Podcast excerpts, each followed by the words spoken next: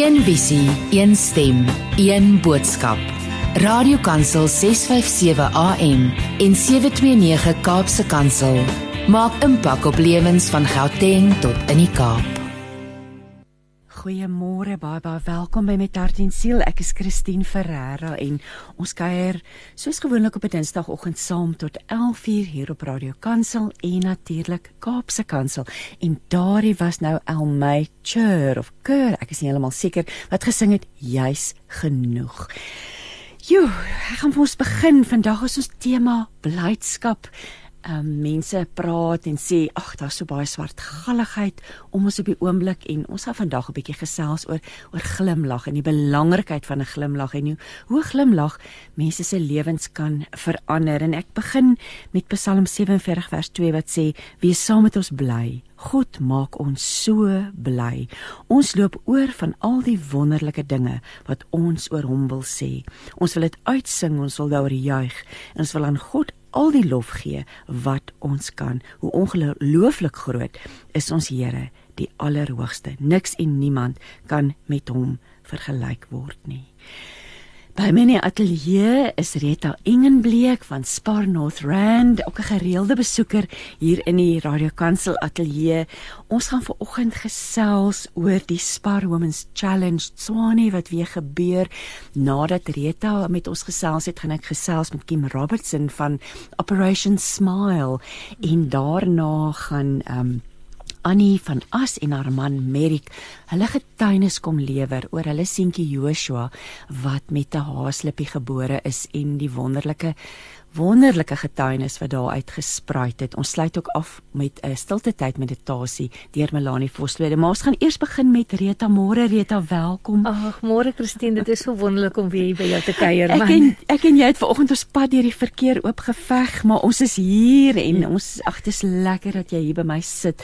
Groot glimlag op jou gesig ook vanoggend. Um, Die resies is nou al 'n bekende hoeveel jaar? Weet jy wat jong, dit is nou 25 jaar wat die wedloop in Pretoria ja. plaasvind. Weet jy, ek dink dit is dis iets wat samesyn van Pretoria en selfs die, soos jy weet deur Covid het ons ook by jou kom kuier en ons het dit nog steeds virtueel aan die gang gehou. Jy's net om vir mense nog steeds bietjie hoop te gee en 'n boodskap te land want jy sê nou vir my alhoewel jy terug in die stadion is daar by by Supersport Park in Centurion ons begin mos daar en eindig ons weer daar is daar vrouens reg oor die land wat nog steeds virtueel wil deelneem. Ja, dit, dit is my, wonderlike nuus. Weet jy wat dit is my so lekker want dit wys my net mense verstaan wat ons doen die boodskap agter wedloop want of weet jy wat ek eh, was altyd 'n hardloper gewees en ja, ek kan enige wedloop kom eens gedoen het, maar daar's iets spesiaal daarin om dit te doen vir 'n ander rede as net om te hardloop of net fiksheid. Jy weet, sien ek dink dis wat dit spesiaal maak want ek soos ek sê, um, wat jy ook reg genoem het, ons het vroue van die Noord-Kaap, van Bloemfontein, van alles ras al die pad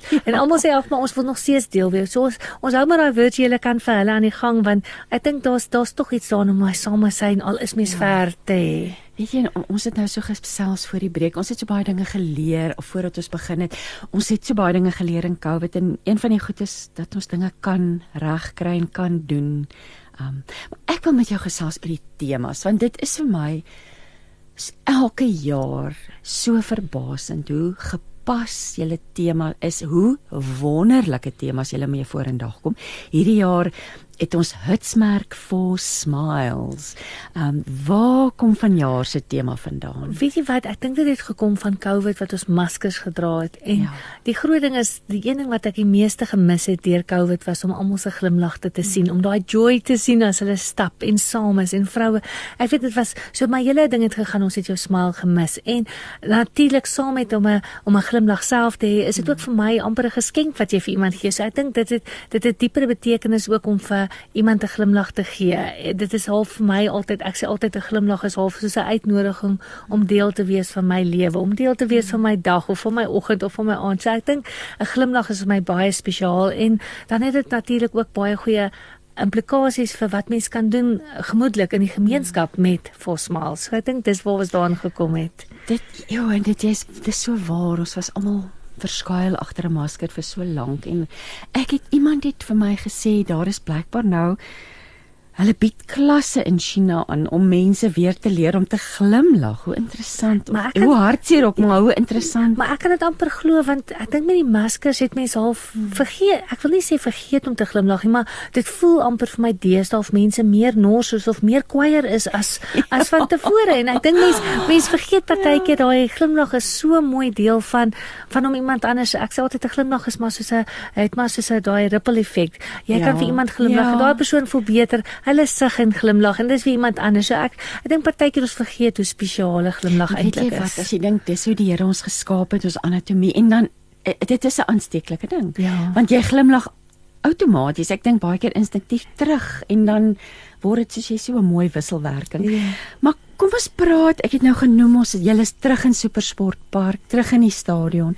Weer in lewende lywe vertel ons 'n bietjie meer datum. Ja, 5 Augustus gaan ons nou weer terug Supersport Park toe. So dis lekker. Dis al, altyd vroue maand, so dis lekker want daar is iets ook saam in die samehorigheid van klomp vroue wat saam stap. Ek dink hierdie jaar wat bietjie spesiaal is, ons gaan 'n tent daar hê wat Walk by 5 ehm um, van die mense dit herken en ehm um, ek dink wat vir my baie persoonlik spesiaal is is dat ons gaan bidkaartjies uitdeel vir enigiemand wat 'n bidkaartjie wil kom optel en ons gaan saam vir Pretoria bid, ons gaan vir ons land bid, ons gaan vir die kinders van ons land bid. Ja. So enige iemand wat dalk nie eers fiks is en wat net wil kom deel wees van 'n gelowige stap. Uh, vir mm. my is daar iets in die krag van gebed van soveel ja. vroue ook en ek dink ons onderskat die hoeveelheid mense wat graag wil intree vir ons land, vir ons vir Pretoria, vir ons mm. kindertjies ook. Jy weet so ek ja. dink vir my persoonlik is dit iets waarna ek die meeste uitsien om te weet um, ons gaan die Here aanroep om daai blydskap wat ons ook ervaar op 'n dag vir ander mense ook te gee in hulle lewens. So ek wil dit net nou herhaal so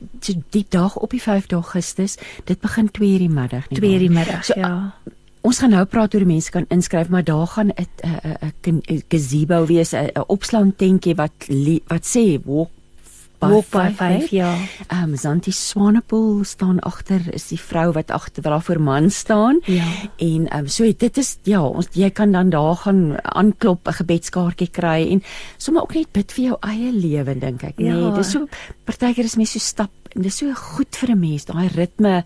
Ja, en ek dink die beweging help jou om ja. net weer te fokus op jou gebed nê nee, wat jy mee besig is. Dis so mense tog met met stap al is jy tussen duisende mense tog kan stil raak en en hoe die vreugde van om so hmm. omring te wees deur gelukkige en glimlaggende hmm. mense en alles vir jou 'n ander tipe vreugde in die Here ook gee. En ek dink dit dit verander mense gemoed ook en ek dink in 'n mate bid ons ook anders as ons aktief is as wat ons noodwendig stil sit en bid. Ek weet dit hang nou seker maar per ja, maar ja. ek het laas jaar die voorreg gehad om so 'n stukkie mos van die Santiago te gaan stap het en dit was regtig spesiaal om dit te gebruik om te kan bid ook, jy weet. Ja.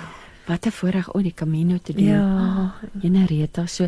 En dit is 5 km, jy kan of 5 of 10 km. Jy ja. kan of stap op stap oh. of hardloop. Ja, en weet jy die 5 km, weet jy wat ek wil vir mense eintlik ook maar net sê, weet jy wat, uh, 5 km is regtig 'n uh, 'n gemaklike stap. So daar's daar is mense wat vinnig of kindertjies wat vinnig hardloop, maar daar's baie hmm. dames en vroutjies, oumaatjies wat net rustig stap en dit geniet. Weet jy in die verlede het ek al mense in rolstoele gesien, ja. babas in stootwaandjies, honde wat saam stap. So dis dit is 'n vreeslike vrolike oggend. Dit is my so logiese tema for smiles, maar Daar's ook 'n ander groot rede en dis hoekom ek net nou met Kim Robertson gaan gesels oor die Smile Foundation want hulle gaan ook baat vind. Nee, julle julle julle deel die liefde. You paying it forward. Dit ja. is die, die, die julle seën soveel liefdadigheidsorganisasies met hierdie dag. Vertel ons 'n bietjie meer oor Operation Smile se Ja, weet jy wat? Die Smile Foundation. Ja, die Smile Foundation. Wat ons gedoen het was juis ons het gedink aan die glimlagte en dan ehm um, uh Donnelly Roberts wat ook een van ons ambassadeurs is, haar heel eerste charity was ook iemand gewees wat 'n kleptliffie gehad het wat hulle operasie vir vir sy ja. geld ingesamel het. En toe dink ons dan wat 'n voorreg voorreg om vir mense 'n uh, 'n uh, actual smile te kan gee. Ja. En weet jy ja. wat, daar en ons het besluit om te kyk na um 18de Julie wat nou ook Nelson Mandela want interessant genoeg die hele storie met Smile Foundation kom van Nelson Mandela af wat die eerste pasiënt geïdentifiseer het en daar was glad nie dokters in die land om te opereer nie en toe hy dokters laat invlieg om hulle te te help om te leer om dit weet daai operasie te kan doen.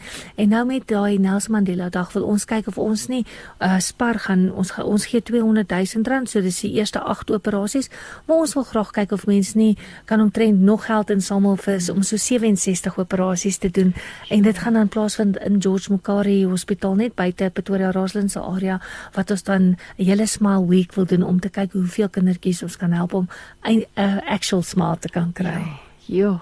Ja in die werklike lewe om om en ek dink soos ons jo wat 'n wonderlike wat 'n wonderlike as jy nou oor dink hoeveel dit kos en hoeveel ja. hoe min mense het toegang daartoe om dit te kan doen. En ek dink baie keer sê hulle ook um weet as jy nie bevoorreg genoeg is om in 'n situasie te wees wat jy hulp het of wat iemand vir dit kan betaal nie, word daai kinders meestal weggesteek want dit word geassosieer met of hulle sê die ouer het iets verkeerd gedoen, die ja. ma gewoonlik en dan steek hulle die arme ou kindjie weg en alles. En ek dink ons wat partykeer 'n glimlag kan hê en dit nie eers gebruik nie. Hoe hoe hartseer vir iemand wat glad nie eers dit kan gebruik nie. En daai daai operasies is deesdae baie suksesvol en daai kindertjies, baie van hulle kan jy eers sien later dat hulle ehm um, oh, slippie ja, slippie gehad het. Dit is my so mooi om te dink net dat jy so verskil maak. En dis wat ek eintlik ook maar altyd vir die dames sê wat kom stap is.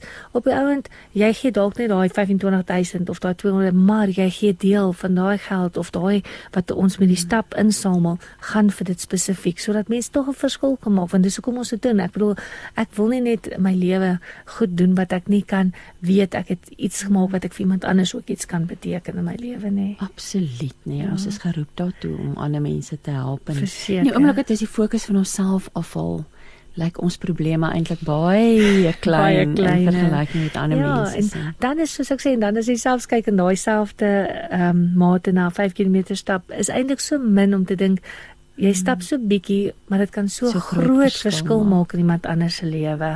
Ja, en mens is nie onaangeraak daardeur nie. Nee. Ja. Mens voel lekker. Ehm um, dit, dit is gesond vir jou, dis goed vir jou. Vertel 'n bietjie meer oor julle ambassadeurs want ek kyk nou julle het 'n lieflike tydskrif wat julle altyd uitgee rondom hierdie hierdie ehm um, wedloop. En daar's uh, die ambassadeurs groei net. Daar's elke ja. jaar meer en meer wat bykom.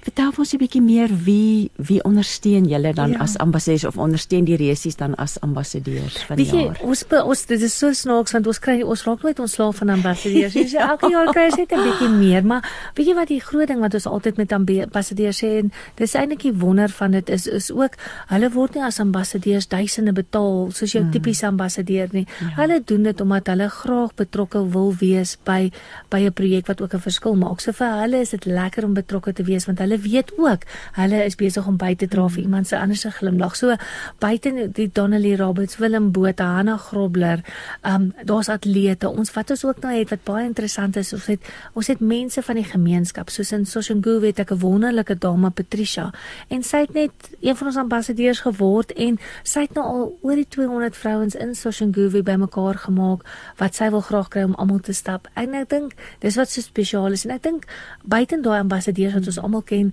is elkeen van ons eintlik maar ambassadeur want Absoluut. ons is ons geroep om ambassadeurs te wees. Jy weet so ek dink dis wat dit spesiaal maak. Ons almal is ambassadeurs, maar maar obviously om die om die woord daar buite uit te kry van wat ons doen, gebruik ons nou maar meer hoë profiel. En dan dink ek ook wat baie mooi is is Vanessa Marie wat in jou tydskrif is. Ja, is ook een van ons ja, huis ook nou ja. betrokke met die wêreldbeker netbal, maar is so mooi want sy verstaan waar dit gaan en haar hart is op die regte plek en ek weet daar's net daar's definitief iets daaraan as as Christene saamkom om 'n verskil te maak en ek dink dis wat so lekker is. Absoluut. Ja, nee, ek het nou ek ek moet ons luisteraars herinner die nuwe winteruitgawe is op die rak en um, ja, Vanessa Marie de Tooi is daarin. Ons het 'n gesondheidsartikel oor die voordele van stap en ag allerlei lekker lekker ja. inspirerende artikels en ek dink onmiddellik nou aan Hanna en die Hanna Stichting. Sy vertel ja. altyd hoe hard vrou die vrouens van die stigting wat wat hulle voorsorg ook altyd by mekaar kom en ja. begin oefen.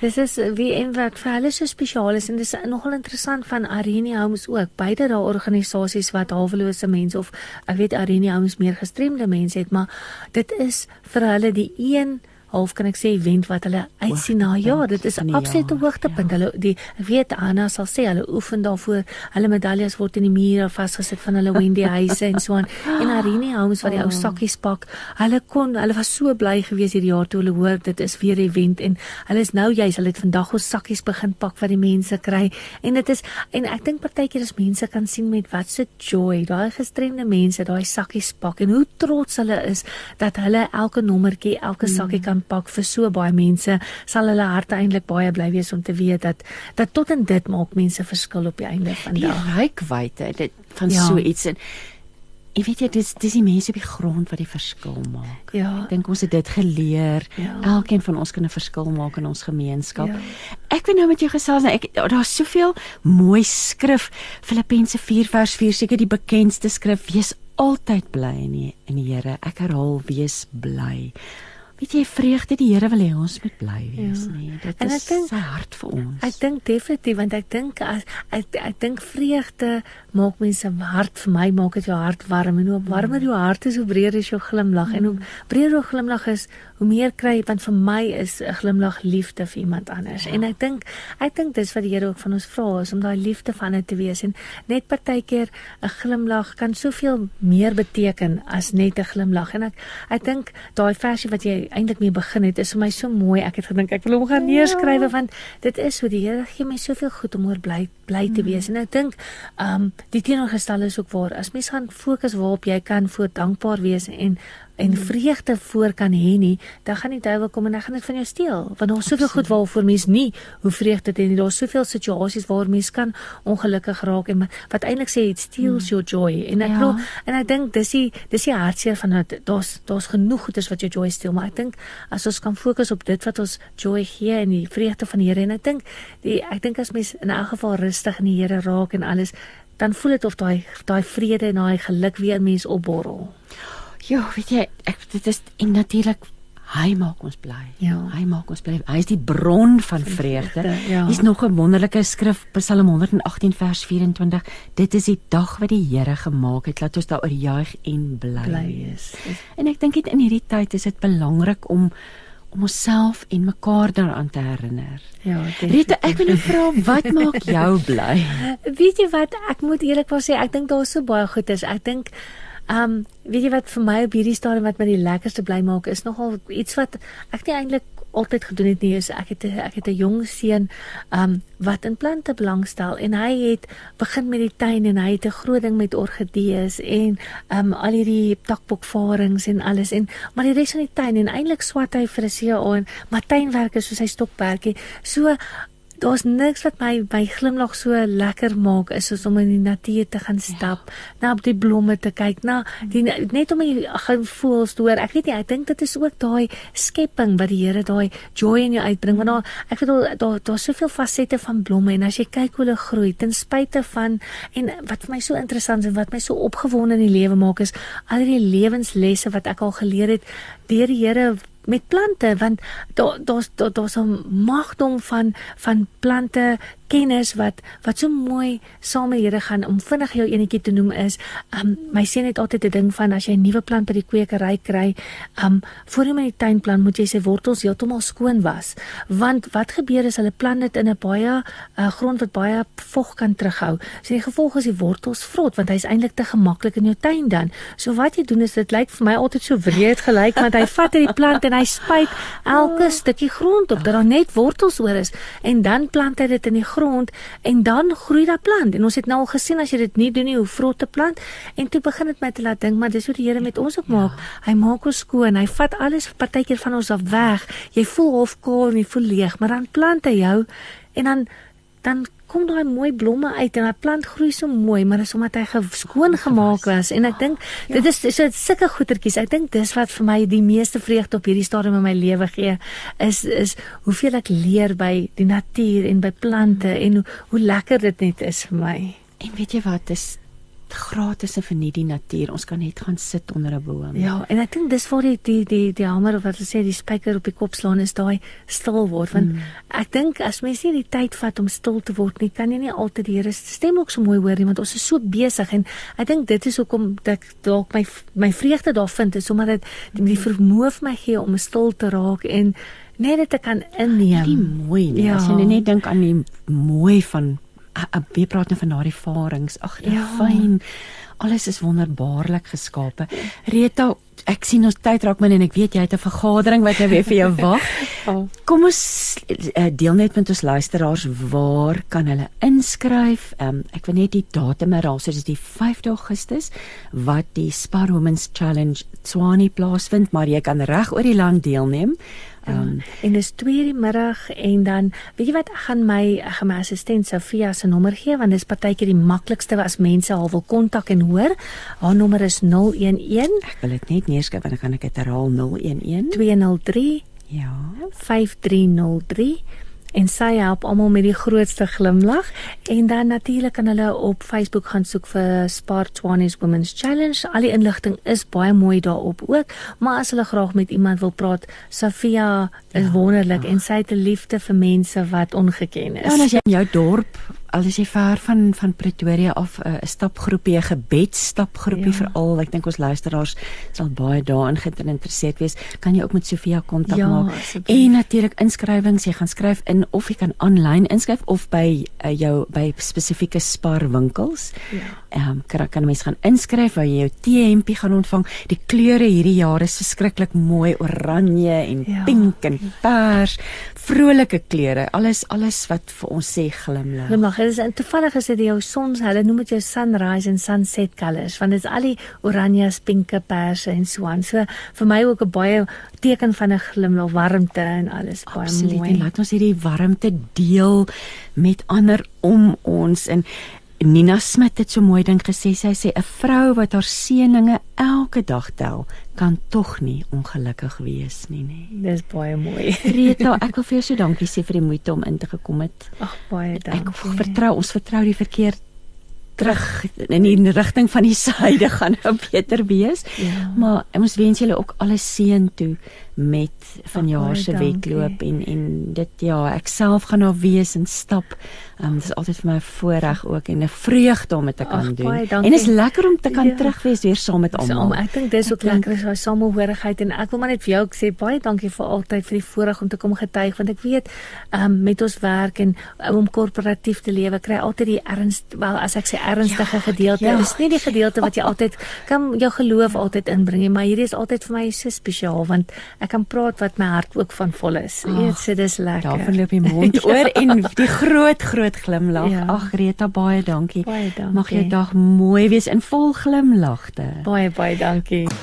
Jy's by 657 Radio Kansel en 729 Kaapse Kansel. Die radio met die waarheid in sy stem. Jy luister na met hart en siel. Ek is Christine Ferreira en ons gesels vandag oor glimlagte. En ek gaan nou gesels met Kim Robertson Smith. Sy is die CEO van die of die uitvoerende beampte van die Smile Foundation. Good morning Kim. Good morning. Good morning. Good morning to all your listeners and thank you for having me on your show. Such a privilege, Kim, and yes, so wonderful to be speaking to you. And the Smile Foundation, Rita has now informed us that you know that that, that the the Smile Women's Challenge is also getting involved and supporting the Smile Foundation this year. Tell us a little bit more about the Smile Foundation and the work that you do. The Smile Foundation was started 23 years ago by then President Nelson Mandela when a young mom was born, uh, had a child born with, without the ability to smile. And she kept writing letters to then President Nelson Mandela and said, please can you help? My child can't smile at all. And eventually, after two years, he received one of these letters. And he decided he needed to try and do something that could actually help this child. So he contacted our executive director, Mark Labner, and asked him, please, can you do something? So at that stage in South Africa, there were no doctors available that could actually do this surgery. So instead of sending the child to America to have the surgery, we decided to bring the, tool, the, the doctors to South Africa and to do skills transfer so that they could learn how to do this very specific surgery. So the surgery um, is for a, a thing called Mobius syndrome, where the child is born without nerves in their face, so they actually can't smile at all. And this surgery was done, and the skills were then transferred to the doctors at the time. And so Smile Foundation started.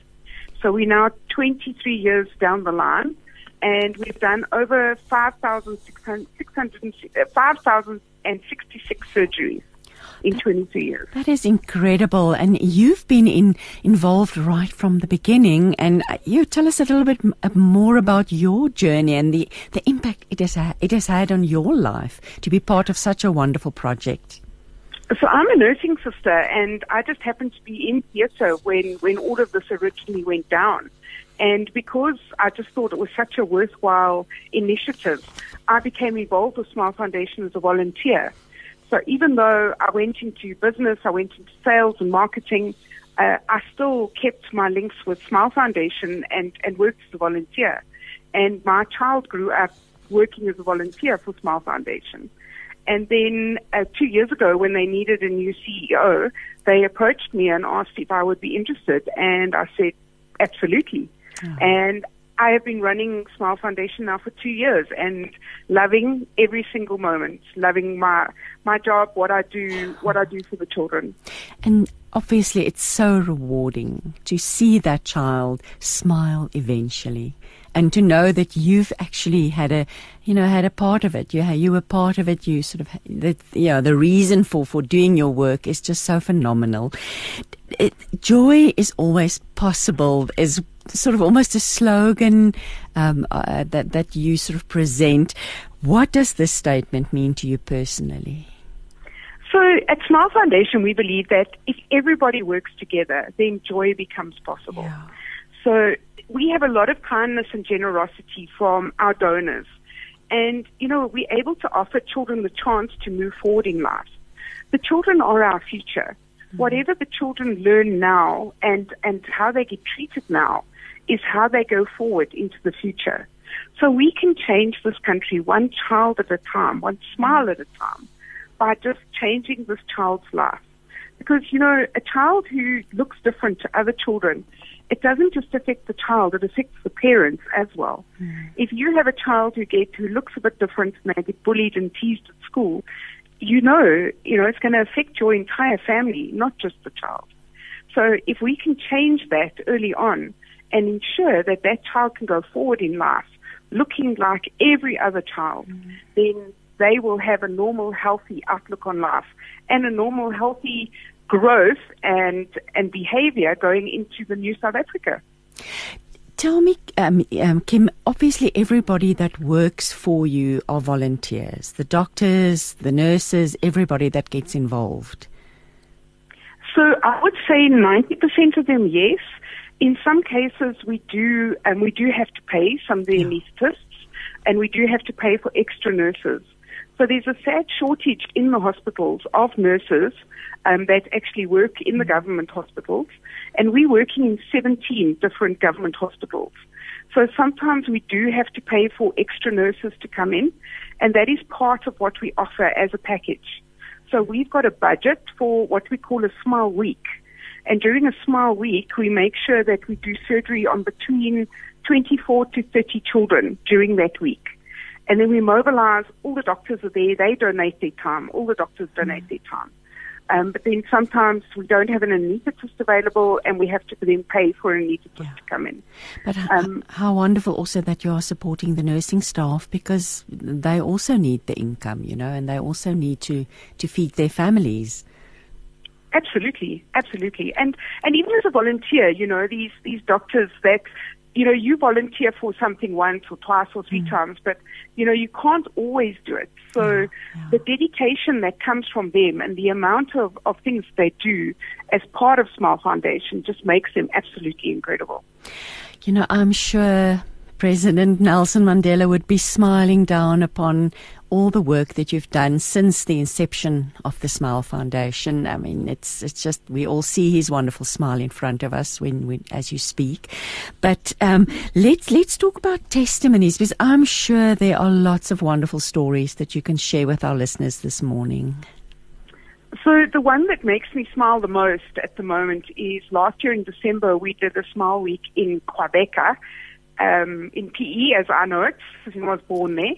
And um, there was a, a little girl of seven who was at school, but she couldn't see the board.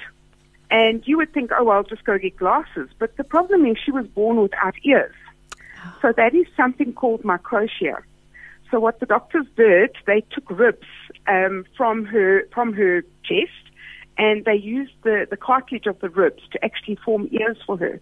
Sure. So she now has ears, and she's living a life free of bullying and being teased because she looks different, and she can now wear her glasses very proudly. Amazing. So it it it, it's actually a lot more. There's a lot more involved, uh, lots of different kinds of uh, physical uh, situations that you address, or, uh, you know, so in order to make children smile. Absolutely. So we involved with cleft lip and palate, with heads that look abnormal, with children born without ears, with kids who are burned.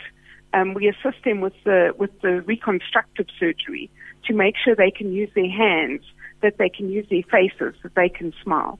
So to us, having a child that looks like other children is very important. Yeah, you know, it, it makes the heart sort of, you know, almost sink to think how, how we judge people on the way they look and how sad that is. But again, the wonderful work that you guys are doing. I want to ask you, you've been involved for so many years. How, how has the Smile Foundation evolved over the years and what are your goals for the future? So during COVID, that was a hard lesson for us because we weren't able to get into the hospitals. Yeah. So there ended up being a lot of backlog of, of surgeries that weren't done. Because for a cleft lip, ideally we should do the first surgery at about three months and then for a palate at about nine months. So we were not able to do those kids. So what we started doing then is having what we call a smile slate, which is a list once a week. So at Steve mm-hmm. Biko, at Tygerberg, at Gray's Hospital, we try and do a list once a week with about four children that we assist every single week in those hospitals. And that makes quite a difference in the numbers of kids because one in 700 children are born with cleft lip and palate. So it's quite a lot of kids that we need to assist. And then we're also going very much into um, into the burns recon and into education. Mm. So at the moment with burns awareness, we're doing education in the schools. So we're going into some of the schools and teaching them on what is a burn, how to prevent being burned, what to use if you do get burned, how to escape if there's something on fire. So that is something that we're now evolving further into going in with education. And what about the parents? Because you sort of said that it, it has an effect on the whole family. Do you work with the parents as well during this whole process and before Absolutely. and after? So we have psychologists. Um, so Smile Foundation has coordinators that work in every hospital, every one of the 17 hospitals that we work in. They, we also have a psychologist that works there. So the psychologist will see the, the mom and the child in clinic, or the parents and the child in clinic. And they will also then see them um, in the ward before surgery. They will be with them during surgery and after surgery because this is a very emotional time and mm. parents don't always know what's going to happen. And now you think your tiny three month old baby is going in for surgery and you're very emotional. So to have a, a psychologist there with you makes a big difference. And we offer holistic care to these mm.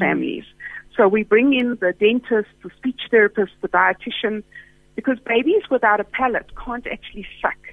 So it's very difficult for them to feed. They can't breastfeed and they can't bottle feed. So we go in and we teach the moms how to feed with a cup and then to make sure that these babies survive. Um, so it's very important to make sure that we have a whole team involved in looking after these children and these parents. And also in the, when we do the smile weeks and the smile slates, we give every parent and every child a toiletry bag that has got basic toiletries in it things like sanitary towels, soap, shampoo, and wet wipes for the babies, all of that kind of thing. So they can be in hospital with their dignity. because a lot of these people can't afford food on their table and they go to hospital and they actually don't have anything. So we rely a lot on donations for any of those those toiletry products that we can give out to our children. And obviously, these operations mostly happen at a very young age because it has to be done early. You know, one never thinks about the impact of not being able to to suckle and, and, and take a bottle or you know have mother's milk. Um, so, th- does the operation start quite early, and then is it only one, or are there a few in order to to correct the situation? So we have some kids who've had up to eight surgeries. So it just depends how well the, the palate joins back together. Um, we have one little girl, um, Princess, who you're going to see as part of the spa um, story. They're telling her story, and she's had eight surgeries, but she looks absolutely amazing. And you know what? She's she's living a phenomenal life. She's just she's just the most incredible child. So yes, there are more than one surgeries involved. If if a child only has a cleft lip, it's generally only one surgery if they have a palate, there's a lot more involved. Also remember these kids, if they're drinking or they, if they're swallowing milk, some of it goes up into the ears because there's no palate to prevent it going up there. So these kids end up with ear infections and they also can't talk. So if we don't do the surgeries early, once they start learning to talk, they can't talk because you use your palate to talk. Yeah. Kim, challenges. I want to ask you, what are the biggest challenges you face on a regular basis? I mean, it, it, obviously, it's a huge amount of people that you have to coordinate and, and get together. But what are what are your challenges? So always, you know, always financial challenges. Um, you know, having enough money to make sure that we can help all these children. Um, we've grown in the last 12 months. We did 1,066 surgeries. Um, every child costs us around about 25,000 Rand per mm-hmm. child to do a surgery. And, you know, it depends. Some kids mm-hmm. have to have jaws extended and, you know, noses done and that kind of thing. And then that, then it's a bit more expensive. And lip is a little bit cheaper. So always on the financial oh. side. Oh.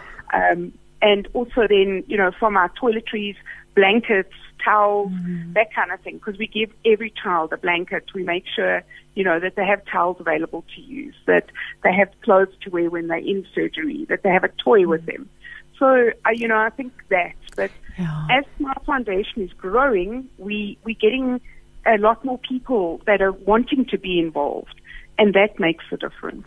And how how do you identify the patients? Do people come to you? Do people nominate? How does it work? So both. Um, we're doing a lot more marketing and PR to make people aware. Um, we've also, from next month, we, we're starting with an educator who's going to go into the maternity units and teach the maternity nurses that don't know how to look for a cleft lip and how to look mm. for a cleft palate. And that we are available if somebody needs assistance. So I think to get that story out there, that there is mm. hope and there is somebody who can help. We had a young woman who, with all the marketing and advertising we're doing now, we had a young woman of, of 23 who came to us who has had a cleft lip and palate her entire life. And she's been hidden away from society. And she wanted to actually commit suicide. And she approached us when she heard our advert and she said, please help. So we're working with um, other organizations to assist us with adults because we are a children's charity. So Operation Smile and Smile Train assist us with adults. And she got her surgery done. So after 23 years, um, she got her surgery done. And you know, the other big thing is the stigma attached to a child who looks different. Yeah. Um, parents are told to hide their children away um, because they must have done something bad during their pregnancy. And, and to break that stigma, to say to parents, you've done nothing wrong. You know, it's, sometimes these things happen, but we can help you. If you need help, we are here. What an amazing story about this woman, young woman of 23. And can you imagine? Can you imagine? And then obviously seeing that first smile in the mirror we cannot we can can't even comprehend the impact. I want to ask you kim around smiles and joy. What is what are the things that make you smile personally on just on a personal level?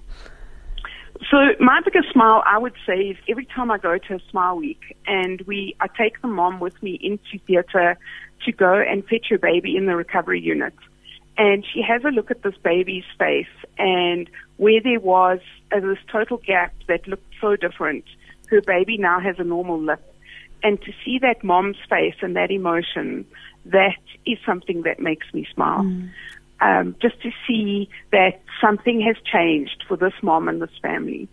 And just to tell you, um, if your listeners don't know, that children smile on an average of 400 times a day, which makes a huge difference in a child's life to be able to smile. Now, adults, happy adults, smile about 50 times a day, and grumpy adults smile about 20 times a day. So I think we must all infect each other with our smiles and and make it a happy place. But you know, it's actually shocking that we stop smiling as we grow older. It's it's you know that we you only fifty times a day if you're happy, and only twenty if you're not. Not happy. And of course, if the reactions in your body when you start smiling, and the reactions towards other people, and the interaction once we start smiling again. Oh, Kim, where can listeners find out more about the Smile Foundation? Do you have a website? So we do. We're on all social media. So it's anything to do with Smile Foundation SA. So just add that SA because we are a South African charity for South Africans. And um, so they can look at www.smilefoundationsa.org or .com or any of those. They will find us. And anybody is welcome. What are the what are the requirements? Do you accept or do you sort of obviously you get a lot of applications and how does the process work? Uh, is it free or well, not free? Is it open for everybody? How does it work? For surgeries? Yes. Yes. Anybody from from the age of from birth to the age of 18, we will find a way to assist them. So anybody can reach out on our website. We have a link where you can actually go and, and say, I need help and just let us know where you are and we will get one of our coordinators in touch with you. And if anybody wants to donate or, or do a, an event, they, they'll be on our, on our website as well. We also run quite a lot of events. So we are involved with the Spa Ladies Challenge. So for those ladies who want to get out and, and have a run, um, there are 2 mm-hmm. spa challenges coming up, one, one in uh, Jozi and one in Tshwane.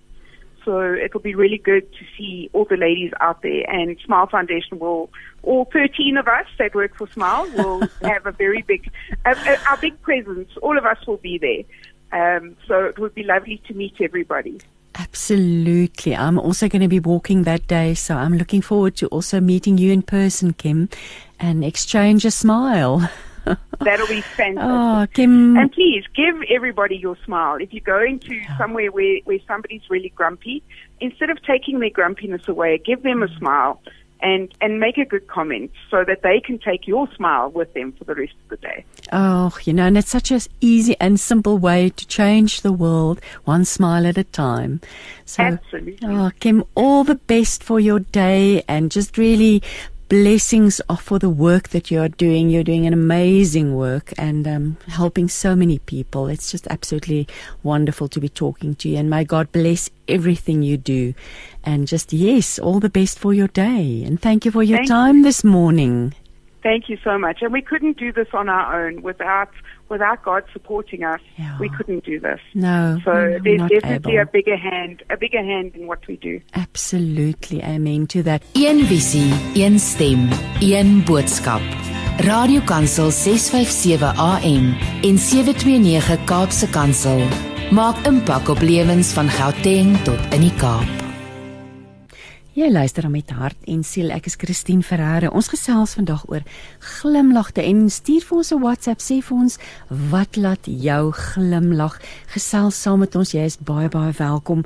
Ehm um, ek herhaal wat Nina Smit gesê het. 'n Vrou wat haar seëninge elke dag tel, kan tog nie ongelukkig wees nie. En dan Wie is die sonskyn in iemand anders se lewe? Wie is die rede dat iemand anders vandag glimlag? Nog 'n mooi ding, uh Johan Wolfgang Gang van Goethe het gesê, onthou vreugde gedeel is vreugde verdubbel. En dan Zig Ziglar sê, as jy iemand sien sonder 'n glimlag, gee hom een van joune. En ek het nou hier by my in die ateljee vir Annie en Merrick van As Annie is is is ek en Anja se model. Sy het alvas gereeld op op Leef se voorblad verskyn, um en en, en op die, op die modebladsye en intussen net so baie met jou gebeur van ons mekaar laas gesien het Annie. Jou man Merrick is hier saam met Ja. ons en julle gaan met ons gesels oor die storie van Joshua, julle seentjie. Ek Ja. weet sommer dadelik daar lê iets in die naam. So ek wil sommer dadelik begin en vra hoekom het julle hom Joshua genoem? Okay, so eerstens, ehm um, die naam, ek het eers geweet dit is 'n vraag vandag nie, maar in 'n geval. Ek het weet jy ek ook nie. So ehm um, die naam ons het ons ons wou vir hom 'n Bybelse naam gee. Ehm um, ons het eers op 'n naam besluit nadat ons uitgevind het nou ehm um, van sy kwale, maar in 'n geval ehm um, Joshua eerstens een van my gunsteling kunstenaars is natuurlik Joshua na die reën. ja. En dis toe ook waar ons die fout gemaak het om dit Engels te spel want Joshua na die reën spel met 'n H. Spel hy dit Hy spel dit met 'n H en die Afrikaanse Joshua is met uh, Sonder die sonder die H. In 'n geval, so dis waar dit vandaan kom. En ons het ook 'n spesifieke betekenis agter Ja. die naam van Joshua wat beteken God is my redder. Ja. En ehm um, die vers beteken this one will be blessed in what he does. Ehm um, so dit was vir ons baie spesiaal want Het julle sy Ja. naam gekies voordat hy gebore is al of nadat hy gebore is? Nee, voor hy gebore Voor hy is. al gebore ja, was, Voor hy ja. gebore is, ja. Maar kos, ek jammer, ek het nou so, so gespring met daai vraag op jou nee, Merrick, ons maar reg. mens noem nie jou kind sommer net Joshua nie. Ek dink Nee. dit is 'n so the one Spesiale Annie, jy naam. sê Nee, the one that. Ja, uh, God is my redder en this one will be blessed in what he does. So ons voel dit is 'n baie spesiale naam vir al die pad wat Joshua al hierdie afgelope 15 maande gestap het. Ehm um, voel ons hierdie naam is baie gepas vir hom. Ja. die storie van Joshua Ja. vertel vir ons. Ek dink ons kom ons begin met die begin. Hoeveel koffie het julle? Ehm so als was 'n 100% normale swangerskap totdat ek en my lieflike vroutjie besluit het om op 20 weke te gaan vir een van hierdie fancy 4D scans. Oh, ja. En dan hier bou hulle nou vir jou 'n prentjie van 'n sonar prentjie. Ehm um, van jou baba en ons was besig om lekker video's te neem in hierdie wat noem mens daai area waar jy nou hierdie sonars neem. In 'n geval en die oomblik toe die vrou sê, "Hoorie, kan julle dalk net julle fone net vir so 'n oomblik afsit. Ek wil net ietsie met julle deel." Mm. Toe daal daar so stilte mm. en toe tref hierdie nuus ons dat ons baba wat ons verwag ehm um, het 'n bilaterale spleet. Dit was op Haaslik. 20 weke. Dit was op 20 weke van haar swangerskap wat ons dit uitgevind het. En van daar af was dit 'n mediese rollercoaster van die swangerskap Ja. tot die geboorte tot waar ons nou is. En ek kan nie vir jou sê dit was 'n absolute journey en dit was regtig 'n rollercoaster. Ons het highs gehad en ons het low- lows gehad. Maar in 'n geval en ehm um, Joshua, soos julle nou sal weet, was toe gebore met 'n bilaterale spleet. tot agter in sy verhemelte Tot reg, tot ja. ehm um, by sy klein tongetjie was dit gesplit in twee Ja. en ehm um, toe hy nou gebore was was hy vir 16 dae in die NICU gewees Ja. omdat ons gesukkel het met voeding. Mense Ja. ja. besef nie dit Dit altyd het nie. dit het Kim ook vir ons genoem dat dat babas wa- wat wat so met hierdie ehm um, spleet gebore word kan nie ja, so dit is dit. Jo, maar ek wil nou teruggaan na daai oomblik wat jy gehoor het. Dit is die gevoel of die aarde net onder julle pad gee. O gats, ja. Nee, kyk, dit was 'n ek dink 'n groot skok vir ons. Ons het onsself nog uh kon by mekaar hou toe sy dit vir ons sê die nuus. Mm. Maar toe ons daarso ry, toe sit soos 'n 'n 'n dood wat op ons neerdal. Ehm um, ek dink dit is so 'n gemeng van emosies. Ou weet nie wat om te verwag wat nie. om te verwag nie. Jy weet nie wat gaan gebeur nie. En ons En- het daarin verskriklik baie ondersteuning um by ons familie. Ons het Ja. dadelik ons ouers gebel en hulle het ons dadelik by die huis gekry en ons eintlik rustig laat voel deur om vir ons te bid en te sê vir ons dat die Here 'n wonderlike plan het met Joshua en um dat hulle saam met ons hierdie pad gaan stap. Ja. Um so dit het ons ook baie gehelp. Dadelik rustig. So hulle het ons dadelik omhels Ja. ja. en ek moet sê dit het dit het ons baie gehelp want toe ons by die huis kom ou- voel alleen in hierdie skip hmm. en ek dink ou begin Jy dadelik weet nie vra wat lê voor nie. Jy het nie jy het nie Dis presies. eh, hoe het die dokter ingetree en julle gehelp om te sê dis wat gaan gebeur na geboorte? Het julle toe al geweet daar gaan 'n reeks operasies kom? So dit dit dit is nou alles deur die journey van uh, wil ek nou sê 20 weke tot omtrent 38 of 39 weke wat ehm um, is voorbereiding was voorbereiding want op daai stadium wat ons uitgevind het, het ons niks geweet nie. Ek het skaars geweet wat 'n kleft is. Ek het nie eens geweet wat die mediese terme is vir hierdie splete nie. Ek het nie geweet wat se dele van die verhemelte daar is nie. Dit was alles alles was vars vars nuus geweest mm. en ons moes van scratch af En dis die eerste baba. So ja, dis, dis nog die amp, mm. alles ja. wat mens nog leer rondom swangerskap, swangerskap en ja. geboorte en om 'n baba te hê, het dit bygekom. Het dit bygekom, ja. En dit het, het ek ek wil amper sê dit het initieel initieel so 'n bietjie van ons ehm um, geluk gesteel rondom dit totdat ja, ons geleer het van die ja, ja van die ja. swangerskap geluk. Want nou natuurlik as jy opgewonde, okay, mm. oor 'n paar maande kry ons 'n baba en dan tref hierdie ding jou. En 'n mens was baie bekommerd geweest omdat ons nie weet wat om te gedoen het um vanaf sy geboorte nie, maar ja. ek moet sê ons het ongelooflike ondersteuning ja. gekry deur 'n ondersteuningsgroep wat al die mammas het 'n groep gevorm um wat fokus op babatjies met gesplete lippe en verhemeltes en um hierdie groep het ons gedra deur om ons na die regte dokters toe te kon neem um ons by die regte mense uit te bring. So dit was absoluut van die Here af want ek weet nie wat ons sou gedoen het as ons nie hierdie mense um ontmoet het. Ja. Maar dit is nou interessant eintlik hoe ons mekaar nodig het, nê? Net weer 'n herinnering daaraan vandag. Hoe nodig het ons mekaar nie? En as daar nie so groepie was nie, was ek was dinge op baie anders mm. vir julle ja. gewees, nê? Definitief. Absoluut, ja. Ek ek wil nou so so vertel vir ons die proses want want want Joshua, ek het nou 'n reeks foto's gesien van hom, die mooiste ou seentjie. Ja, hy's pragtig. En hy's nou deur 'n hele reeks operasies. So jy het uitgevind jy het emosioneel moes jy hulle self versorg gelukkig. Dankie tog het jy die Here gehad om aan vashou ja, deur die hele proses julle ja, ouers. Die Here het vir ons mense op ons uit uit alles hierso wat uit hierdie hele proses en al sy emosies wat daaraan verbonde is. Die grootste ding was die Here het vir ons die mense op ons pad gestuur wat ons die nodigste gehad het op die regte tyd.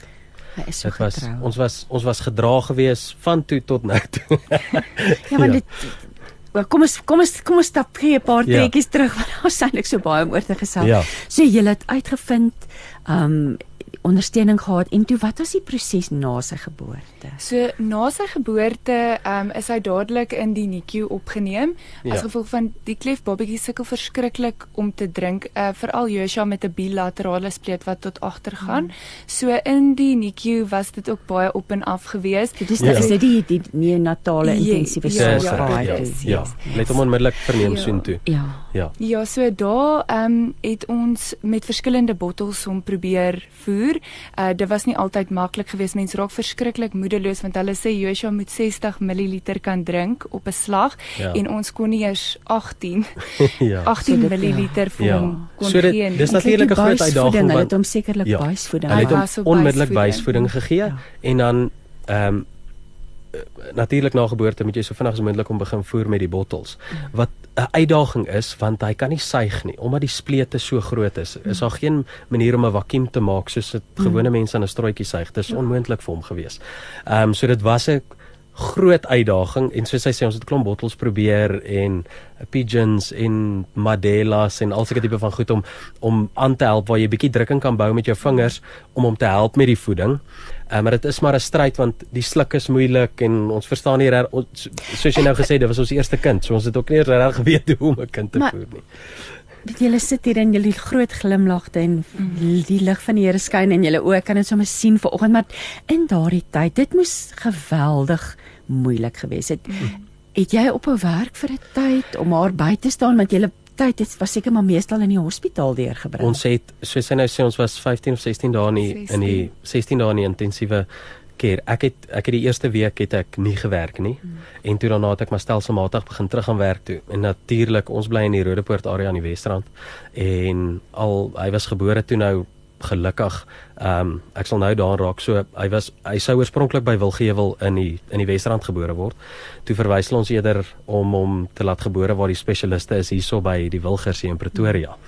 Ehm um, so dit is 'n saamlike afstand het ja, dis nog 'n afstand. Gespeel. So ek het elke dag in en uit gery. Ehm um, so dit was nog 'n ryery ook en en alles saam met begin nogal 'n las op 'n mens raak. Eerstens is omtrent, ek dink is 170 kg ehm um, in en uit. En ehm um, dit het nogal baie geraak. En vir haar ook natuurlik want al die mammas om haar in die mm. in die wat noem mense die saal na die tyd die ek weet nie wat in 'n geval sit met hulle babas daar en ons babas sit in die ICU en ek kan net ingaan met besoektye en al sulke ja. tipe van goed wanneer was natuurlik COVID en 'n klomp streng ja, regulasies. Ja, ek moet sê ek het in die hospitaal gebly um, ja. vir die twee wel die 16 dae. Ek het nie mm. huis toe gekom nie. Ek dink dit was ook vir my moeilik geweest want ek was alleen in die hospitaalkamer maar ek was naby aan Joshua en ek het probeer gaan met elke voeding want dit was die mikpunt om om te help om te drink. So met elke voeding het ek ook gegaan om hom te probeer probeer help maar ek het baie moedeloos gevoel want ehm, 'n um, mens dag in dag uit as jy daar om hom te help maar hy sukkel verskriklik om te drink en en ek moet sê dokter Prinsloo hy's ook hier in Pretoria. Ehm um, sy het vir Joshua 'n plaatjie gemaak ja. uh, wat ons toe op dag 3 vir hom ingesit het die plaatjie om te keer dat die melk nie deur sy neusie heeltyd spoel nie.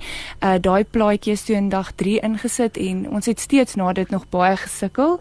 Ehm um, maar stelselmatig het Joshua gewoon gewend geraak aan die plaatjie um en so ook ook om die bottels te kon drink maar um met die plaatjie het hy ook met sy saturasie begin sukkel met sy asemhaling omdat hy nie gewoond was aan hierdie plaatjie wat in sy verhemelte is nie so tot op dag 16 het Joshua ja. se saturasie vlakke verskriklik geval. Uh dit was vir my baie traumaties geweest want elke keer gaan hierdie masjiene die alarms af almal storm ja.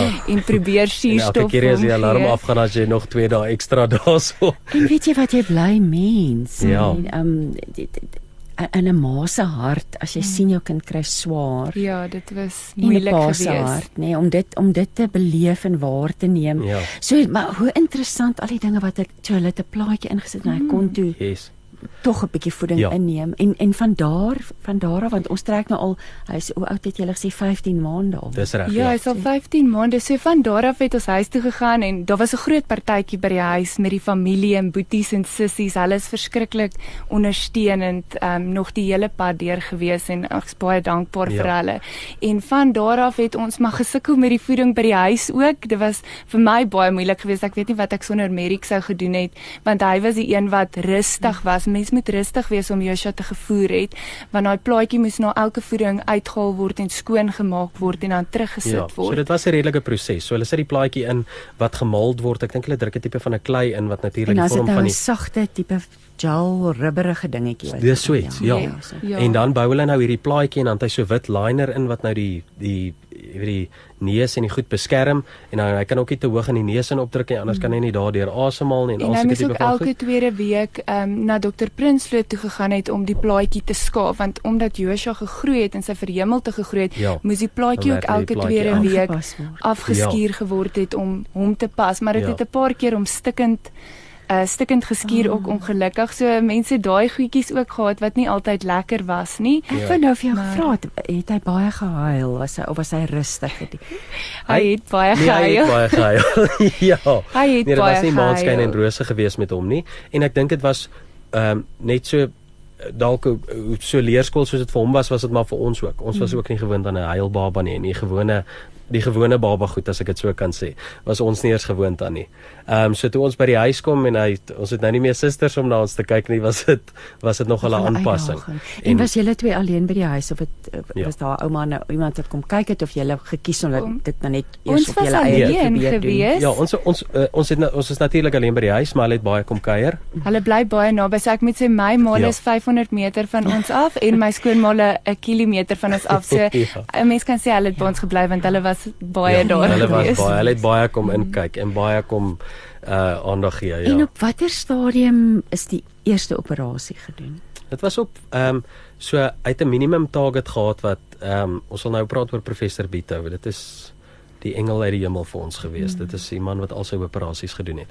Maar ons eerste target was 5 maande, is die vroegste wat hulle sy eerste operasie kon doen. So hy moes daai plaatjie bly dra vir 5 ja, maande. Dis reg. Ja. Maande, so ons het hom so 2 weke voor die voor die operasie moes ons hom uithaal meeste van die tyd mm. want hulle wil nie hê daar moet skawings en goed ja. in die ja. verhemel te wees ja. Ja. wanneer hulle die operasie doen. Hy kon ook nie voor dit enige vaste kos eet nie. Ja. Ehm um, so tot op 5 maande het ons glad nie eers gedink aan vaste kos want dit was te moeilik met die plaatjie, maar ja, soos Merik sê, Joshua se eerste operasie was op 5 maande hier by die Wilgers gewees en ek moet sê ek dink niks wat enige iemand sê of wat enige van die ja. mammas ja. ons kon voorberei op sou ons eintlik kon voorberei vir die emosionele maar ook die fisiese um uh trauma. Trauma wat 'n mens ja, dan net maar trauma. Ja, dis ja. amper trauma. Ek, uh, dit is dis vreeslik. Ek weet nie ek, ons gaan nou raak op die uh, operasies, maar dit is vreeslik om jou kind voor te berei. Jy wens jy kan dit self doen. Nou het ons in 5 maande so lief geraak vir hierdie bondeltjie en ons het gewoond geraak aan sy gesig wat wat vir mense 'n massiewe skok was om te sien. Hmm. Dit was vir ons 100% by daai op daai stadium al normaal. Ja want dis 'n baie persoonlike vraag en ek bly jy dit nou genoem ja. dat jy het julle onmiddellike aanvaarding beleef want dit ja. kom net van bo af nê nee? absoluut ja absoluut ek sal ekskuus ek nou, ek weet nie of ek namens jou praat nie Annie ja, maar my... Uh, van my kant af ek het van die eerste oomblik af het ek geen twyfel in my kop gehad dat ek hierdie baba van my vir enigiemand wil wegsteek nie dat ek nie vir iemand 'n foto van hom kan wys nie kyk natuurlik sy hulle noem dit die premaxilla, is dit die premaxilla hierdie voorste mm. deeltjie, was buite sy mond. So hy het hier mm. voor aan die neusie vasgesit. Dit was 'n eintlik 'n vreeslike en aardige ding as mense hom gesien het, het hulle geskrik. Mm. Maar in 'n geval op geen oomblik het ek gevoel dat ek my kind moet wegsteek vir die wêreld nie. Dit was was ek, ek, ek weet nie hoekom nie, ek maar Ek sê hoe ek gevoel het as 'n mamma. Ek moet sê ek het my uh, gegoogel, baie foto's gekyk en ek moet sê toe Joshua gebore is, was dit glad nie wat ek verwag het nie. Ek dink ek was bietjie geskok gewees in die sin mm. van dit is nie wat ek verwag het nie en um dit het my ek ek het hom eers die volgende dag toe behoorlik gesien want hulle het hom dadelik weggevat want hy het gesukkel met suurstof. Um so ek het hom eers die volgende dag gesien en Merik het heeltyd vir my foto's gestuur en ek dink daai aand het ek aanvaarding gekry dat dit is my seentjie en um dit is wat die Here vir my gegee het en ek ek dink dit het my so dag gevat. Ja. Sorry, ek het dis nie met jou. Ek maar dit is net jy wat dis net mense. Ja. Ek dink daar's baie oumas en mammas mm. en en pappas en oupas wat luister vir oggend en wat die, die kindjie word nie volmaak gebore soos wat mm. ons almal voor bid en ja. hoop nie nê die 10 toentjies en die 10 vingertjies ja. en dan kom so iets op jou pad en die woord leer vir ons dat God by jou is in alle omstandighede. Ja. Absoluut. Maar dit dis ek dink dit is bemoedigend om te hoor hoe julle hoe julle dit hanteer in julle ja. pad wat julle loop van tot ja. eintlik tot nou toe ja. nog. Ehm ja. um, ek wil net raak daarop ehm um, ek moet sê die grootste vraag wat ek gevra het en dit was nog deur die swangerskap mm. en alles was hoekom ons? Hoekom ek? ek? Ja, ja. Hoekom is hoekom kan my kindjie nie perfek wees nie? Hoekom kan ons baba skies nou raak ek 'n bietjie. Dis dood. Maar in 'n geval, hoekom kan ons baba nie perfek wees nie? En die Here het kom openbaar.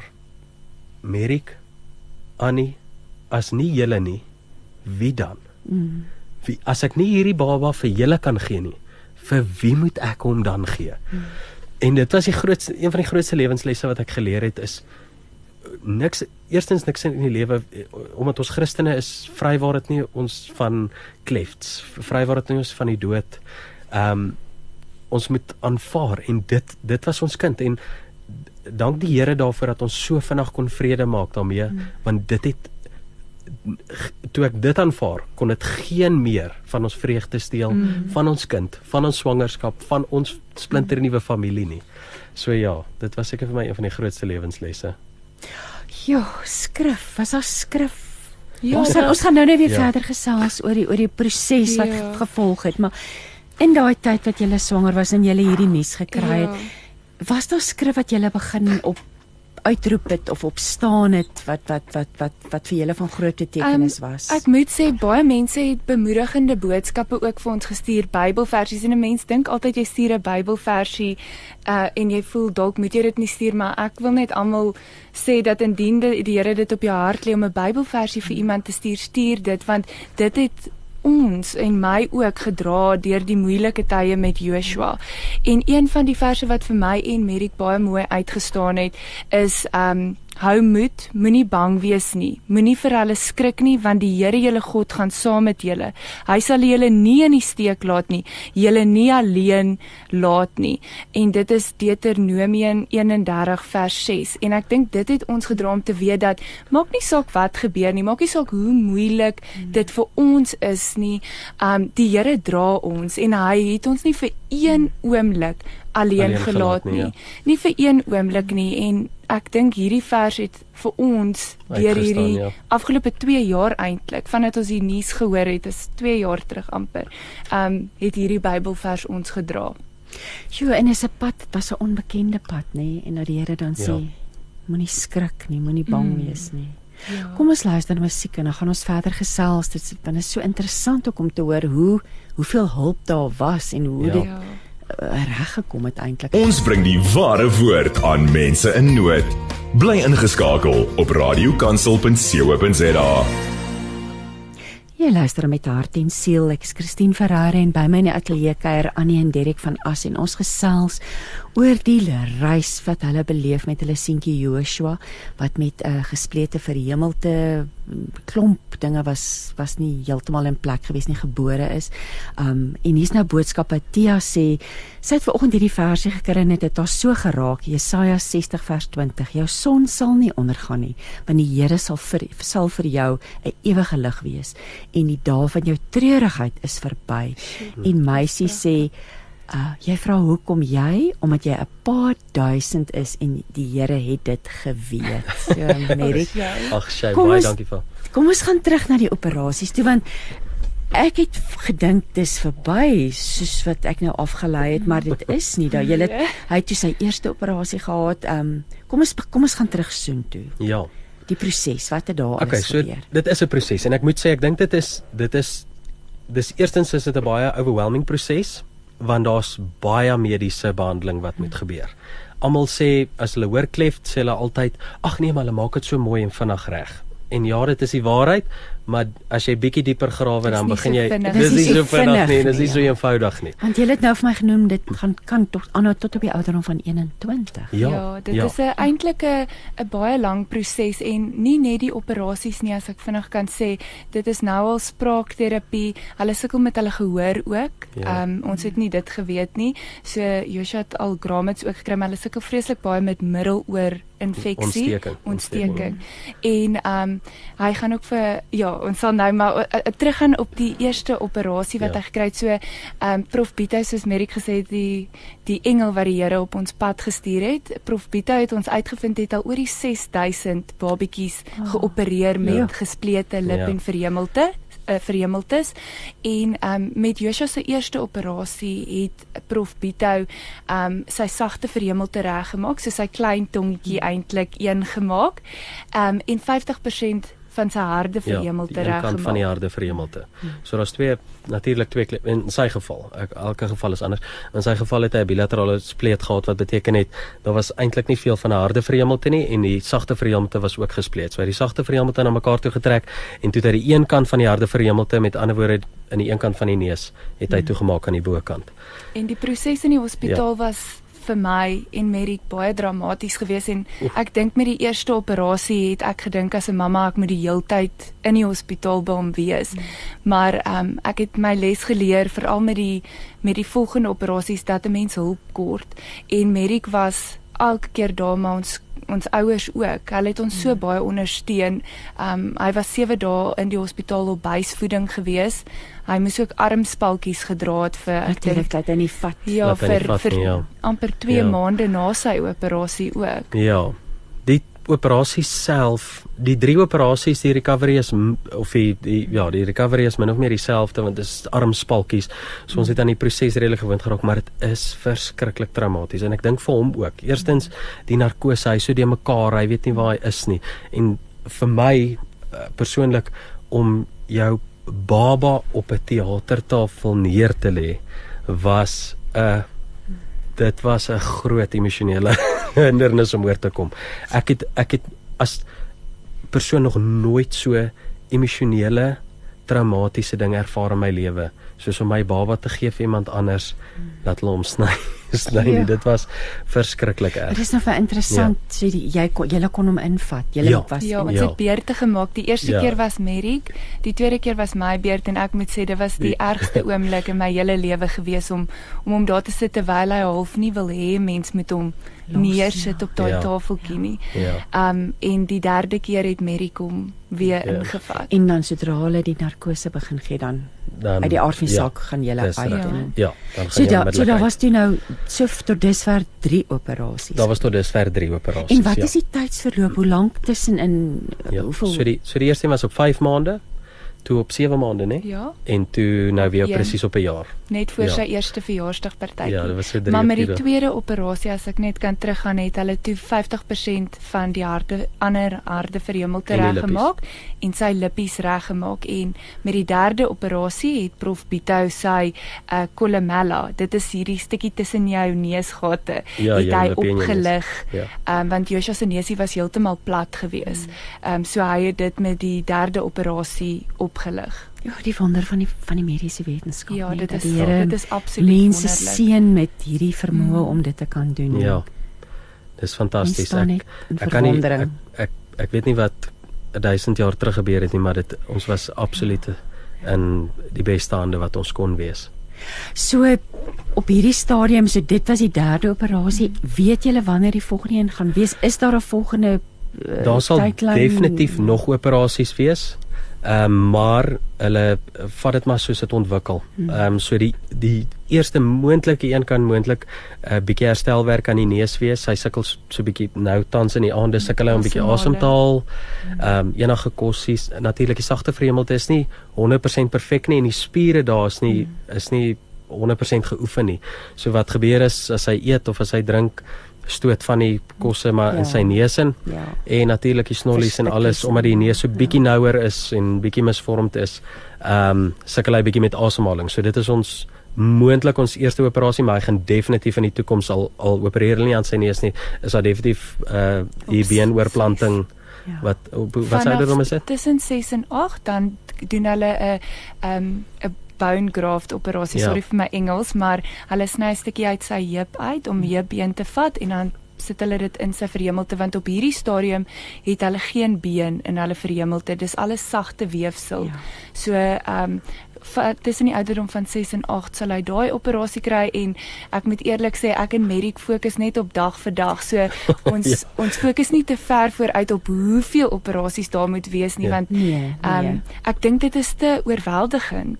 Ek ja. Ja, dit, want ons het net nou daar terwyl die musiek gespeel het daaroor gesels dat die toekoms dis eintlik beter om nie teere daar's 'n rede hoekom ons nie weet wat die toekoms Ja. inhou nie nee. Is so. Ek wil nou vir julle vra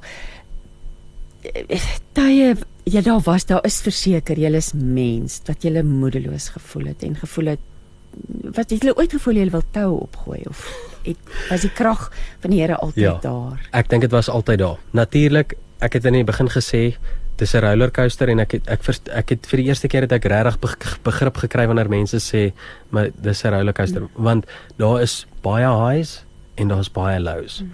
En ehm um, veral met hierdie proses, soos ek sê, daar's klein goedjies wat mense onderkry, maar ook die groot goed soos sy pyn, sy op sy mm. operasies en so aan. So daar's definitief tye gewees wat ek gevoel het genade asseblief. ja Ek kan nie meer nie. ja Ehm um, en jou ander lewe moet aangaan met werk en jy moet alles begin juggle en alles begin net oorweldigend raak. En ehm um, ek dink dan begin 'n mens maar sukkel. Ek wil ek wil nie sê ek het ooit aan 'n uh, vorm van depressie daaraan gelei nie, maar dit voel maar asof 'n ou down is en jy mm. veg maar net vir die volgende oomblik, maar ons het soveel krag ontvang en ondersteuning van ons mense uh, wat ons gedraai deur hierdie deur hierdie tyd. Ek wil nou ook vir julle vra oor lewens- en geloofslesse want wel julle julle is 'n jong ouer paar Ja. en iets het oor julle pad gekom wat wat baie van julle verg. Julle moes as mense geweldig gegroei het in hierdie tyd nie waar nie. Verskriklik baie. Ek moet sê vir my die lewensles wat ek geleer het is gebed is die kragtigste ding wat 'n mens kan doen en nie net met groot goed in mense lewe nie maar klein goed. Um ek onthou die eerste na sy eerste operasie het ek uh, by hom geslaap in die hospitaal en hy het nie ophou huil vanaf sy operasie 5uur tot die volgende oggend 6uur en om jou kind vir 12 ure, sorry, so te hoor skree. Jammer. Ehm um, was vir my verskriklik. En sorry. Nee, weet jy wat jy skryf van dat dat dat met God se krag is ons baie sterker ja. as ons dink nê en dat ons kan ja. eintlik met alles na hom toe gaan. Dit is en, en, en ek het daar gelê en al wat ek kon eintlik doen, dis wat ek wil sê, al wat ek kon eintlik doen is bid want uit ek jy kan niks vir hom doen tydens ja. daai tyd nie en al wat ek gedoen het is langs hom gelê en gebid en dis asof die Here 'n absolute rustigheid oor my gebring het en vir my gesê dit gaan oukei okay wees en dit is my lewensles wat ek geleer het en ja. ek weet Merrick deel baie met my sy lewensles. so ek het een groot ek wil amper sê 'n mind shift gemaak in hierdie tyd en dit het gebeur ek kan nie onthou ek dink dit was met die tweede operasie en dit was omtrent die 5de dag wat ek ingery het Pretoria toe en ek was al lekker keelvol vir hierdie pad. En ek ry in die aande 10 uur ry ek huis toe. In 'n geval en eendag kom ek ingejaag daarso by Wilgers Hospitaal. En ek parkeer my kar want ek's besig om die besoektyd te mis. Mm. en ek stap in en ek voel mense kan ons nou net hier uit hierdie oomblik uitkom. Kan ons nou net huis toe gaan? Laat ons nou net weer 'n bietjie momentum kan optel met ons lewens. En daar stap 'n vrou, ek weet nie hoe oud sy is nie, maar sy stap met haar dogter in haar hand wat seker omtrent sy sal volwasse seker so 20 jaar oud is en sy stap uit die onkologie afdeling uit. Hmm. en sy het nie 'n haar op haar kop nie. Ek weet nie wat haar storie is nie. Ek hoop sy kan eendag hierso kom sit en haar storie vertel. En op daai oomblik slaan dit my dat lewe is maar perspektief. In hierdie oomblik waar ek voel ek verdrink op hierdie oomblik waar ek voel Man I'm down and out, ekskuus vir my Engels. Het daai vrou gekom en ek het besef dat die berg wat sy klim is moontlik 5 keer hoër as myne.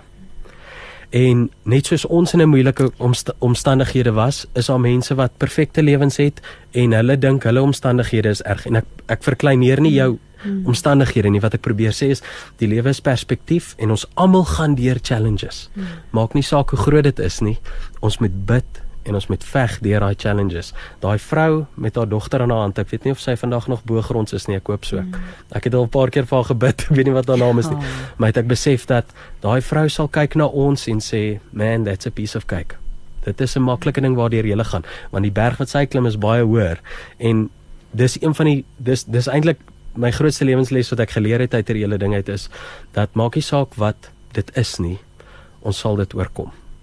Deur die um, krag van die Here, deur die, die krag van die Here sal ons dit oorkom. Ehm um, en ek het al baie lewensstruggles gehad voor hierdie en hierdie het my laat wys dat daai kleiner was, maar tog op daai oomblik het dit vir my gevoel soos 'n groot berg en ek het dit oorkom en ons is nou besig om hierdie te oorkom. Want elkeen van ons het 'n pakkie, nê? Ja. Elkeen van ons het 'n pakkie. En hoe wonderlik deur ons getuienis te deel, help ons weer iemand anders, nê? Ja. ja. Iemand wat dalk vandag luister en besef maar hulle pakkie is nie so swaar nie. Ja. Maar joh, wat wat net bly staan is die geloof nie. Ja. As ons bly glo aan nie al en daar's sekerlik tye gewees wat jy gele gevoel het jy kan jy kan trend nie eens bid nie. Ja. Mm. Nee, daar was baie. Ja, daar was baie tye. Maar tog ek weet nie die Here se liefde is so oorweldigend dat Ja. Hy het ons elke keer net teruggetrek en ons kom rustigheid gee mm. en vir ons kom wys dat dit oukei okay is en ek dink die feit dat ons so baie ander mammas en ouers ontmoet het ja. met kindertjies wat deur presies dieselfde gaan. Ons het eintlik verskriklik goeie vriende gemaak deur hierdie proses. Ja. Um wat ook by Joshua se verjaarsdagpartytjie was wat hulle ook deur presies dieselfde gaan en ek dink dit laat 'n mens besef hoe baie ouers daar is wat deur goeters gaan waar hulle kinders sukkel en deur operasies moet gaan. Ja. Um ek dink um ja, dit dit dit was vir my absoluut amazing geweest. Kom ons praat 'n bietjie oor wonderwerke want Annie jy verwys na klein wonderwerke. Dit was iets wat jy ook geleer het in hierdie tyd. Hoe lyk 'n klein wonderwerk? so ek het ek moet sê dit het ek agtergekom soos ehm um, toe ek swanger was en ons uitgevind het het almal vir my gesê ek moet net bid die Here sal dadelik Joshua genees. Daai, dis en moeilik. Dit is 'n nee. gevaarlike ding ja. eintlik om vir mense te sê want ja, die Here doen so baie wonderwerke, hy genees mense.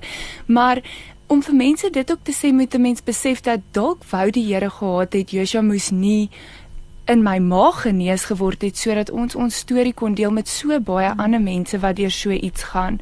En um die Here het dalk nie Joshua in my maag genees nie, maar ja, die Here het absoluut Joshua genees in hierdie afgelope 15 maande. Um en die wonderwerke wat so plaasgevind het. Ja. En buite sy sy nou die die mediese wonderwerke um, het hy nou die tool gekry. Ek hoop hy ek hoop hy kan daai tool eendag gebruik. Ek hoop hy kan dit eendag gebruik om mense van sy storie te vertel. Want dit is baie groter soos soos hy nou sê mense het vir ons baie mense het vir ons gebid en gesê ehm um, hy sal genees word in jou maag en al sulke tipe goed mm. en die teleurstelling wanneer dit nie gebeur het nie en, Jo, ja. maar in 'n geval ehm um, so ek hoop hy gebruik daai tool Joshua om En mense sy naam, storie te Ek wil vertel teruggaan na sy naam toe want Ja. Joshua was 'n leier. ja Maar Joshua het ook sy sy swaar dae gehad, ja. Ja. sy weet en en, Ja. ja.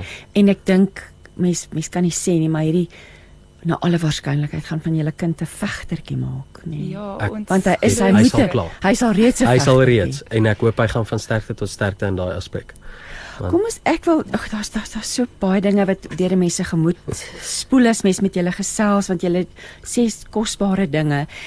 Ander mense, dit is my so goue draad wat deurkom dat ehm um, jy het gesê me- aan die mens moet jy moet uitreik, jy moet Jy hulp moet- kry, mens moet Ja. kan dit nie alleen die Nee, pakkie dra nie. glad En jy het ook verwys na die groepie en ek wil hê ons 'n bietjie gesels oor hierdie groepie Blissful Cleft Foundation. Hoe het jy by hulle uitgekom en vertel vir ons 'n bietjie meer oor hulle?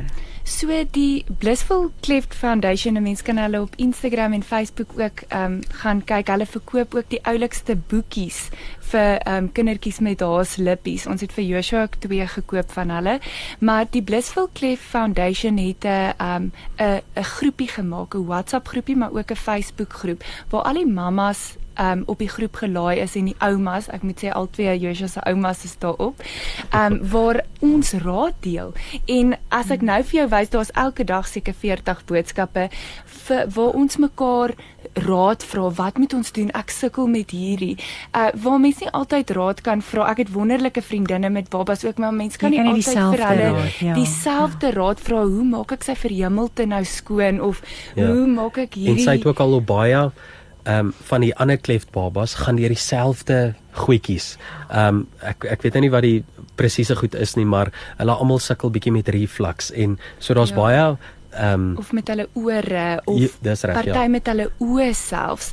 Ehm um, so daai groepie het was vir my 'n wonderwerk van die Here af en ek wys baie vir Medico ook die gesprekke hulle help mense met medies waar om by die regte mense uit te kom, hoe die herstelproses is, wat om te verwag.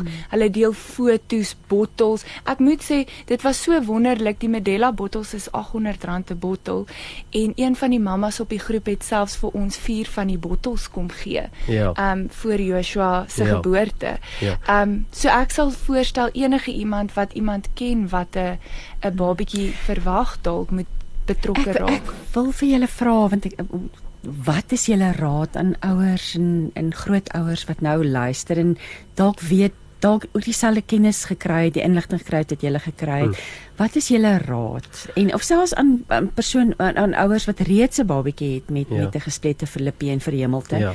Wat wat sou julle vir hulle sê? ek sou as as dit 'n ouer is wat wat uh, uh, kom ons sê enige vorm van gestremde kind verwag, sou ek sê kom in die regte kringe en deel deel met die mense wat deur dieselfde gaan as jy.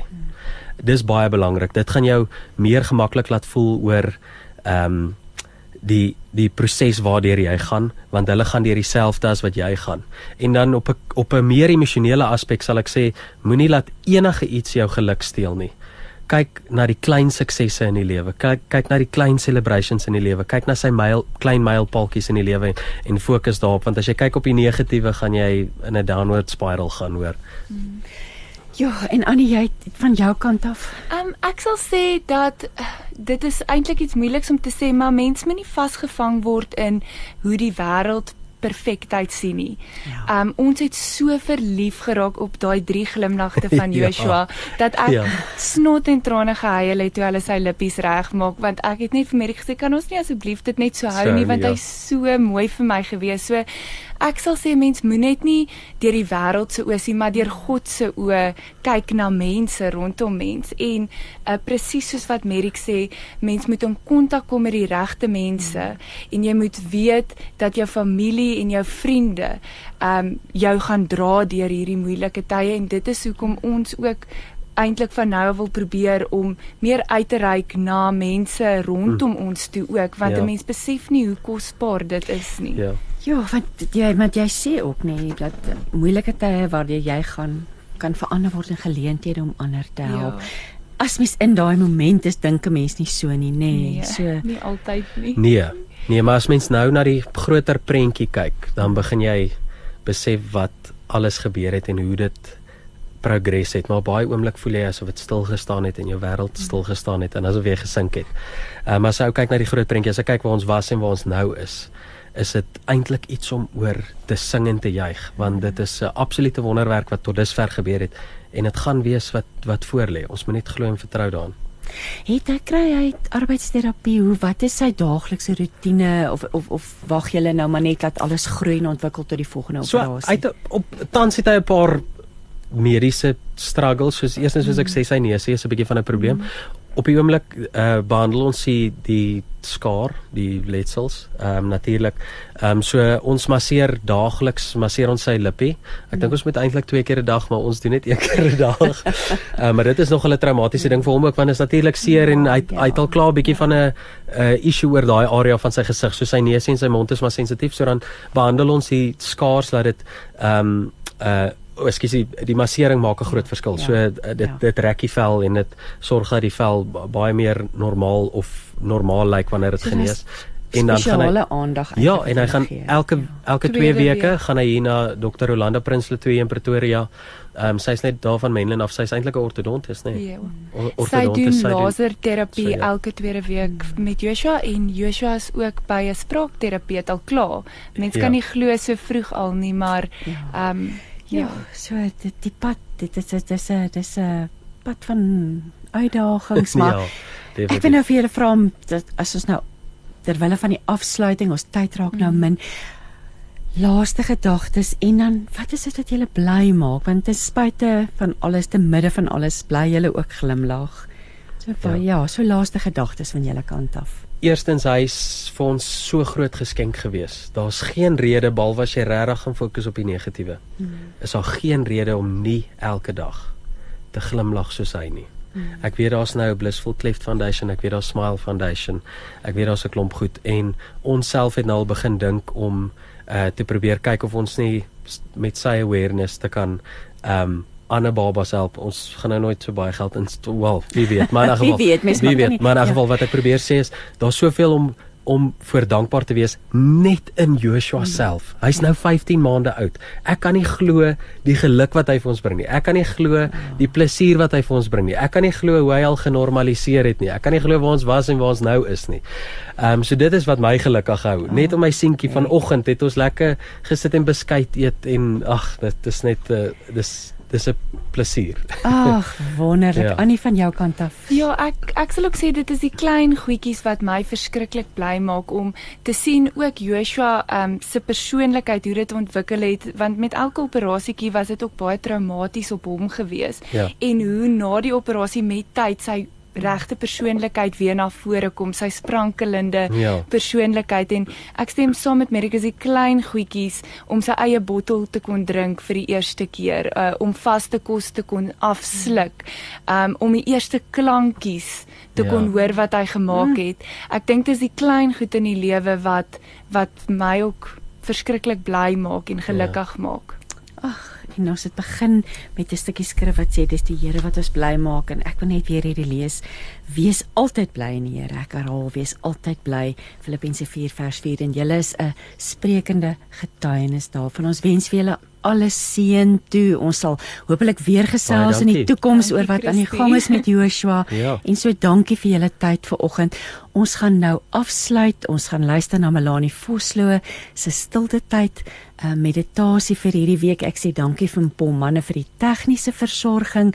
Ag en liewe luisteraar, ek herinner jou daaraan, wees altyd bly. Die Here, die Here sorg vir ons en dit dit is die dag wat hy gemaak het. So laat ons daaroor juig en bly wees. Tot volgende week. Totsiens. Gee jou geloof vleuels. Ontdek die lewe saam met 657 Radio Kansel en 729 Kaapse Kansel.